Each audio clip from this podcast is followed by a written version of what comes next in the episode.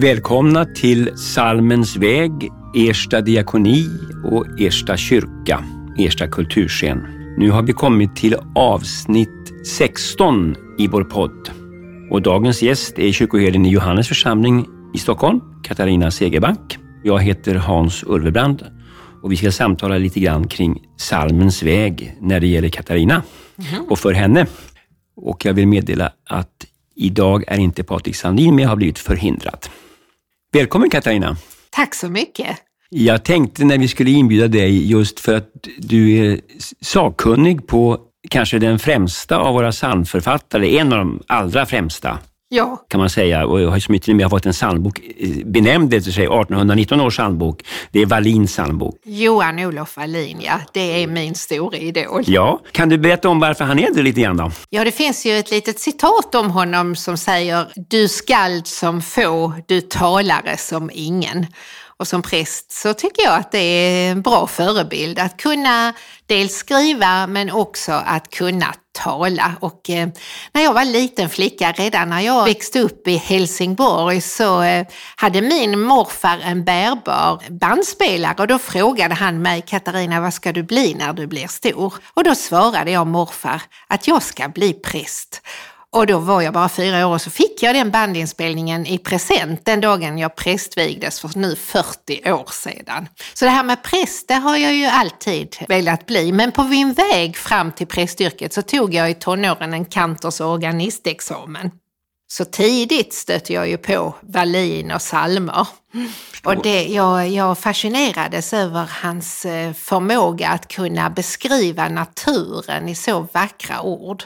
Ja, det kan man verkligen säga. Eh, du har ju valt tre salmer utav honom eh, och eh, salmen 159 som ju är en psalm som vi sjunger på Kristi himmelsfärdsdag. Varför har du valt just den? I den salmen så beskriver ju Wallin mycket den här dualiteten som han kämpar med i hela sitt liv.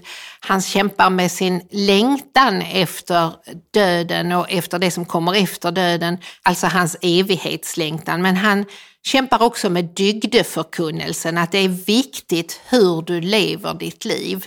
För att förstå livets absoluta innebörd så pekar Johan-Olof Wallin på bönens väg. Och tänk vad viktig bönen är. Mm. Inte minst i de här tidevarven vi lever nu. Mm. Och eh, när du säger längtan så är det någon erfaren kristen själasörjare som har sagt att längtan efter tro är tro.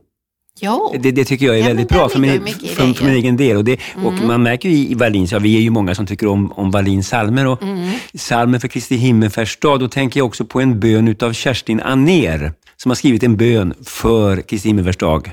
Mm. Temat för, för den dagen är, är ju att vart du än är på väg att berätta om Kristus, är Kristus redan där. Oh, yeah. Det är ju Kristi himmelfärdsdags yeah. tema. Mm. Att vart du än är på väg, det ska du räkna med, både som förkunnare och, och präst och allt, att det är bra att ha två öron och en mun. Mm. Och vilket evangelium, inte minst att komma med till konfirmander och ja, unga människor. Mm. Precis. Jag tänker när jag har avslutat en konfirmandgrupp, jag är nämligen lika glad för konfirmander som för rabarberkräm. Och det är ju det bästa jag vet, som Pippi Långstrump säger. Men eh, att ha då, eh, då tänker jag att det är viktigt att ha lärt ungdomarna att det finns en stor kraft i att kunna be. I min eh, vinterjacka eller höstjacka som jag nu precis har eh, tagit på mig, för det börjar bli lite kyligt här i Stockholm, så har jag tre stenar som jag har plockat på någon solig strand för många år sedan. Den ena stenen är formad som ett hjärta. När jag fingrar på den stenen när jag står och väntar på tunnelbanan eller någon buss så tänker jag på ordet tack. Sen har jag en lite skrovlig sten i min ficka och när jag känner på den med mina fingrar så tänker jag på hur mycket hjälp vi behöver just nu.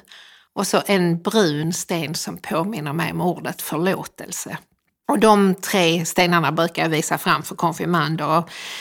Det här psalm 159, den, det är ju ingen vanlig psalm, men just detta att budskapet på Kristi himmelfärdsdag är, precis som du är inne på Hans, att helt plötsligt så kan vi finna Kristus precis överallt. Mm. Väldigt fint. Mm. Jag tycker att vi lyssnar på, på salmen nu, 159.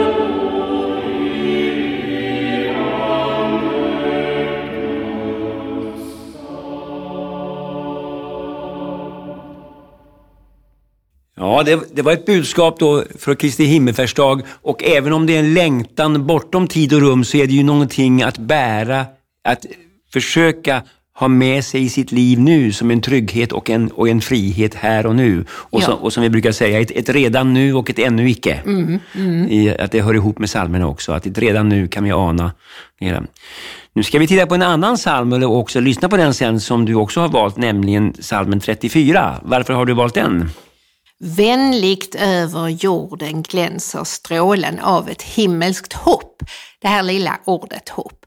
Det är ju så att Johan-Olof Wallin, han levde ju också här i Stockholm och han var ju bland annat verksam i Storkyrkan och under den tiden, 1830-talet, så var det också en pandemi i Sverige och i Stockholm. Och det berättas ju att han var inte alls för fin, även om han var överhovpredikant, utan han begravde för att hjälpa sina medpräster från morgon till kväll. Och det berättas också att han gick hem här i hemmen och han hade ju ingen munskydd och han hade ingen handsprit, men han vågade ändå, för han hade ju sin tro att det jordiska, det är inte allt. Och det berättas också att precis innan han skulle lämna hemmen så låg han mycket diskret pengabidrag, men han gjorde ingen stor affär av detta. Det är också så att han miste tre syskon på grund av smittkoppor under sin uppväxt och eh, jag tror att han redan som liten började fundera, vad är döden och finns det något hopp? Så anledningen till salmen Vänligt över jorden glänser så är, är det just det här att den är så hoppfull. Jättefint. Och, och mitt i det socialt utsatta, mitt i, i, i smärta, så, så skriver han det. Det kan jag säga, det är, det är ju så att då på 1830-talet, då skapade han ju också någonting som idag, tillsammans med dåvarande polismästaren i Stockholm, mm någonting som heter Gårdostiftelsen. Där jag då har, har, fått sitta i min tjänst. Oh. När jag hade min tjänst i, i, i Storkyrkan. Mm. Och det är en fantastisk stiftelse. Yeah. Som idag arbetar med, eh, arbetar både för att uppmuntra studiebegåvade, eh, för att uppmuntra personer som inte har resurser och, och hjälpa till. De är ute på Järvafältet idag. Är de med oss och, och stöder Fryshuset ute på, på, på Järva yeah. och, och, och, i Husby. Och i Husby. Eh, och de har varit mycket med Ersta har de också. Eh, och det är idag en miljardstiftelse. Mm. Och den startade ju Johan-Olof Wallin ihop med, tillsammans med dåvarande polismästaren i Stockholm som heter Af Wetterstedt. Ja, det var ju intressant. Ja, det är verkligen intressant. Så det hör ihop mm. med vad du, mm. vad du mm. säger här. Och, och just den där, den där salmen var en som kom jag att tänka på några rader som någon har alltså skrivit om att det var Kristus tid är nu, har någon sagt, uttrycker den salmen. Och strålar som inte förbränner och inte förblindar, utan det är ett skonsamt ljus. Oh. Det var ganska fint. Eh, Mycket om, om, fint. Om, om den salmen. Så som, det, det, är ju det du också beskriver. Det är ett skonsamt ljus.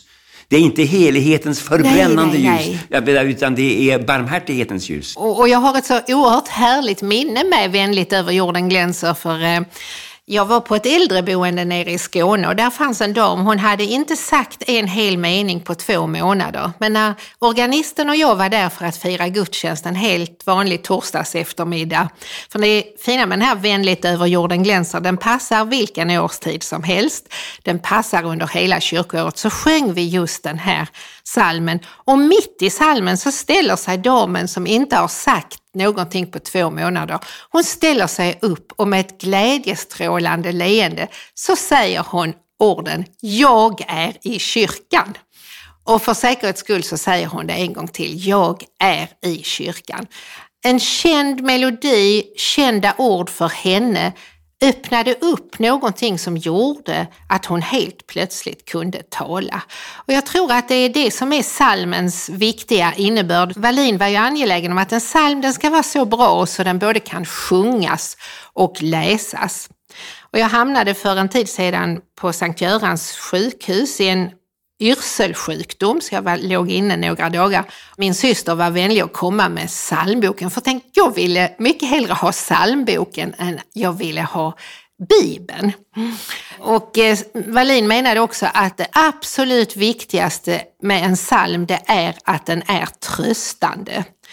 När jag skrev min doktorsavhandling om Johan Olof Wallin så har jag tittat såväl på hans dikter som hans tal och också naturligtvis på psalmerna. Och där ser jag en markant skillnad och det är också en slutsats i min avhandling att han är mycket, mycket mer angelägen om att psalmerna ska vara tröstande. Det är inte så viktigt med predikningarna och med de vackra dikterna men psalmens främsta budskap är tröst. Jättefint.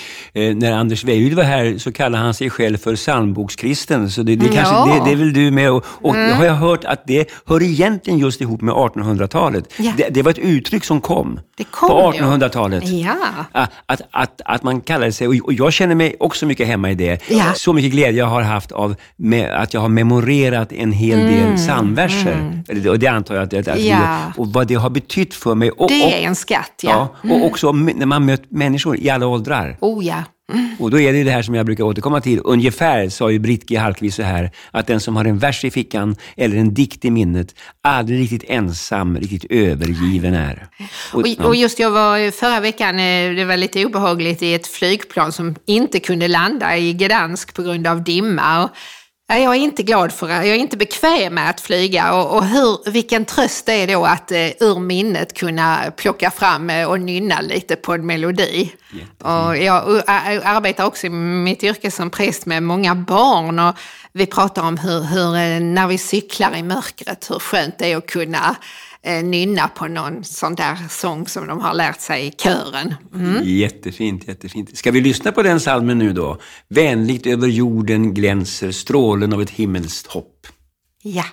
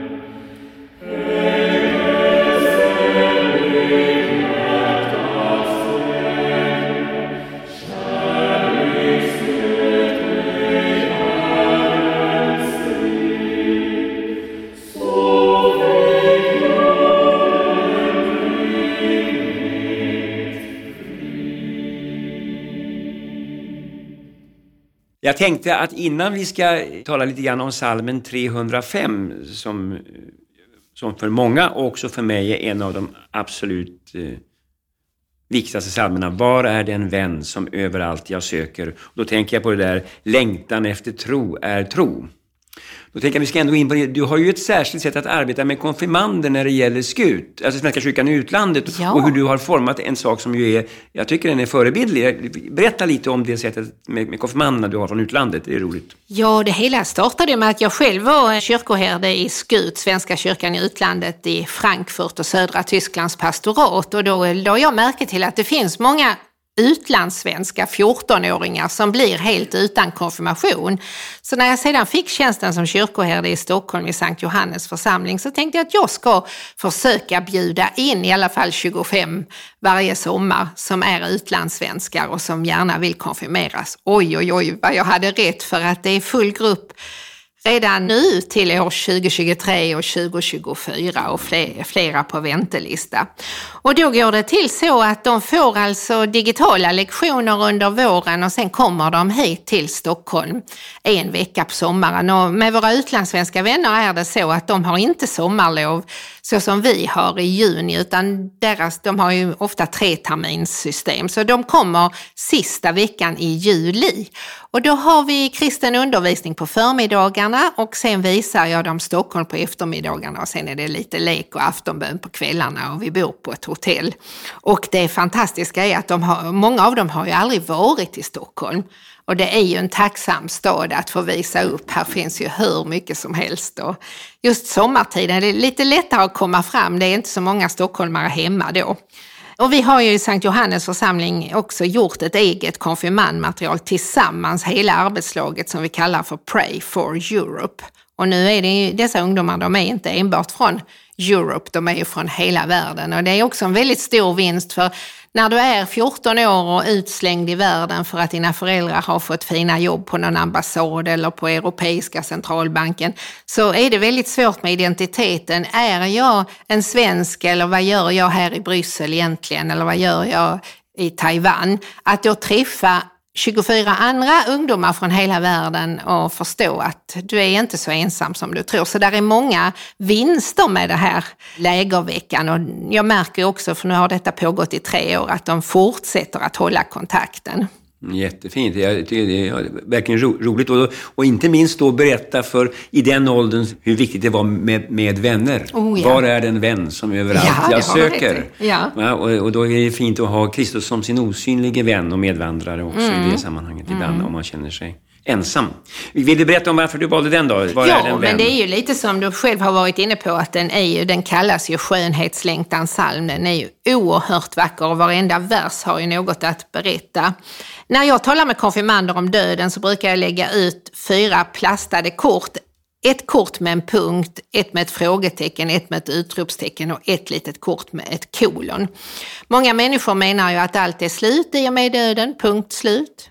De allra flesta tänker nog på döden som ett frågetecken. En gammal och sjuk människa kanske ser på döden som ett utropstecken att nu behöver jag inte vara till besvär längre, jag behöver inte lida, inte ha ont. Men i kyrkan, det fantastiska är att vi talar om döden som ett kolon. Meningen är inte slut utan det kommer en fortsättning. Och här i denna salmen så är det så tydligt för här beskrivs döden som en befriare, en vän som öppnar en dörr till någonting helt annat. Och den här salmen har ju också kommit till i samband med att Johan-Olof Wallin skulle inviga begravningsplatsen i Västerås. Och en rad, hur skön då måste själva källan vara, den evigt klara, om då det är så skönt det vi ser i vår natur. Jag brukar också till konfirmanderna ha med mig en plastblomma och en riktig blomma och fråga, har du tänkt på vilken enorm skillnad det är på en riktig blomma som Gud har skapat och på en blomma som är gjord av plast eller tyg? För en plastblomma kan ju aldrig dö, men den har inte heller fått förmånen att leva. Att leva är en fantastisk förmån. Verkligen. Och jag tycker just den e källan, den evigt klara Ibland tycker jag vi använder ordet Gud för ofta i våra böner och inte och liksom slarvar lite med vad jag har uppfattat ändå var viktigt i vår judisk kristna tradition, nämligen mm. att inte nämna det heliga namnet.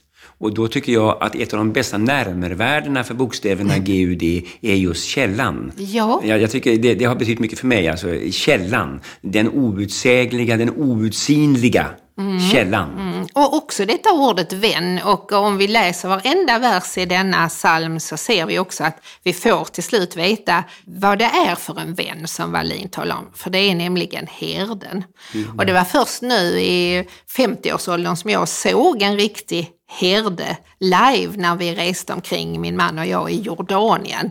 Och då förstod jag vad är det att vara en herde bland får och lamm och vad är det då att vara en kyrkoherde? Jag tänker på Saltaren 23 naturligtvis. Mm. Herren är min herde. För att genomgående i Johan-Olof Wallins hymnologiska diktverk och predikningar så är det herden som är hans älsklingsord för just GUD. Och jag tänker också, min, min mor var ju danska och han är ju samtida då med H.C. Andersen. Och eh, vilken, vilken skillnad på dessa båda herrar som ändå då båda levde i Norden. För här går Wallin och han är också rätt så depressiv tror jag. Jag har inte träffat honom men jag tror att han eh, längtade till det hinsides medan H.C. Andersson var ju här och nu och min mor hon läste alla 150 H.C. Anderssons sagor för min lilla syster och mig och den vi tyckte allra bäst om det var sagan om julgranen. Mm -hmm. För julgranen den förstod inte att glädja sig förrän det var för sent. Det var först när den var upphuggen till kaffeved ute i vedbon som den tänkte varför i all sin dag tog inte jag vara på tiden när jag stod klädd i ljusets mantel inne i salongen? Nu är det ju alldeles för sent. Så H.C. Andersson var mycket mer carpe diem medan eh, Wallin han var mer så här att eh, ja, måtte snart detta jordiska vara slut. Kanske kan det också ha berott på att han levde så nära detta med sjukdom och död i staden. Jag vet inte riktigt hur det såg ut i Danmark, om det var något liknande där. Men det är väl också det att vi, vi föds med olika grundton. H.C. Andersen var mer den här optimistiska. Ett piano är ju stämt i A-dur. Han var kanske mer som ett piano. En gitarr är ju mer stämd i E-moll. Han kanske mer då var en gitarr, jag vet inte. Olika personligheter i samma tidevarv. Ja. Ja, ja, jätteintressant att du berättar här. Jag tänker då när du säger Herren, eh, Psaltaren 23, så har jag en, en historia som jag tycker mycket om. Det är då i 1917 års översättning. Herren är min herde, mig skall intet fattas. Och så skulle den lilla pojken lära sig det utan till. Och så sa han, Herren är min, jag kan inte fattat. Ja, men det var och, och det, det blir väldigt bra. Det är precis det. Ja. vännen, vi förstår oss inte på den nej, vännen. Vi, vi, vi, det är som det står i en annan psalm som är skriven av en, en mycket viktig kvinna i början på 1900-talet i Svenska kyrkan som heter Siri Dahlqvist. Hon har skrivit psalmen 417 i psalmboken och det står när det gäller vår kunskap om Kristus och erfarenhet av Kristus. Vi av din sanning gripa blott en flik ditt väsens fullhet än är outsagd. Mm, så, att vi, vackert, så, vi, vi, så vi kan bara ana en flik ja, av, ja. av Kristushemligheten under vår stund på jorden. Mm. Men, men, men det kanske räcker. Det, räcker, det kanske, kanske räcker. Va? Det är ja. det som är så fint. Ja, då ska vi få lyssna nu på salmen 305. Var är den vän som överallt jag söker?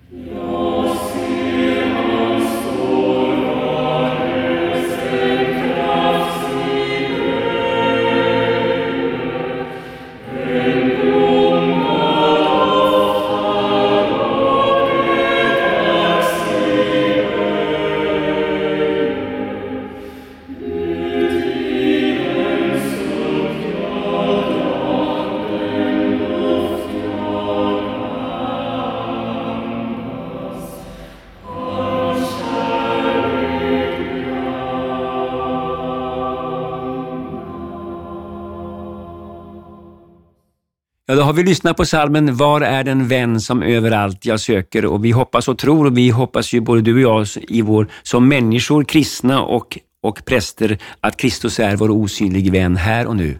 Det gör vi. Och tack så hemskt mycket för det här fina samtalet Katarina. Tack för att jag fick vara med. Tack.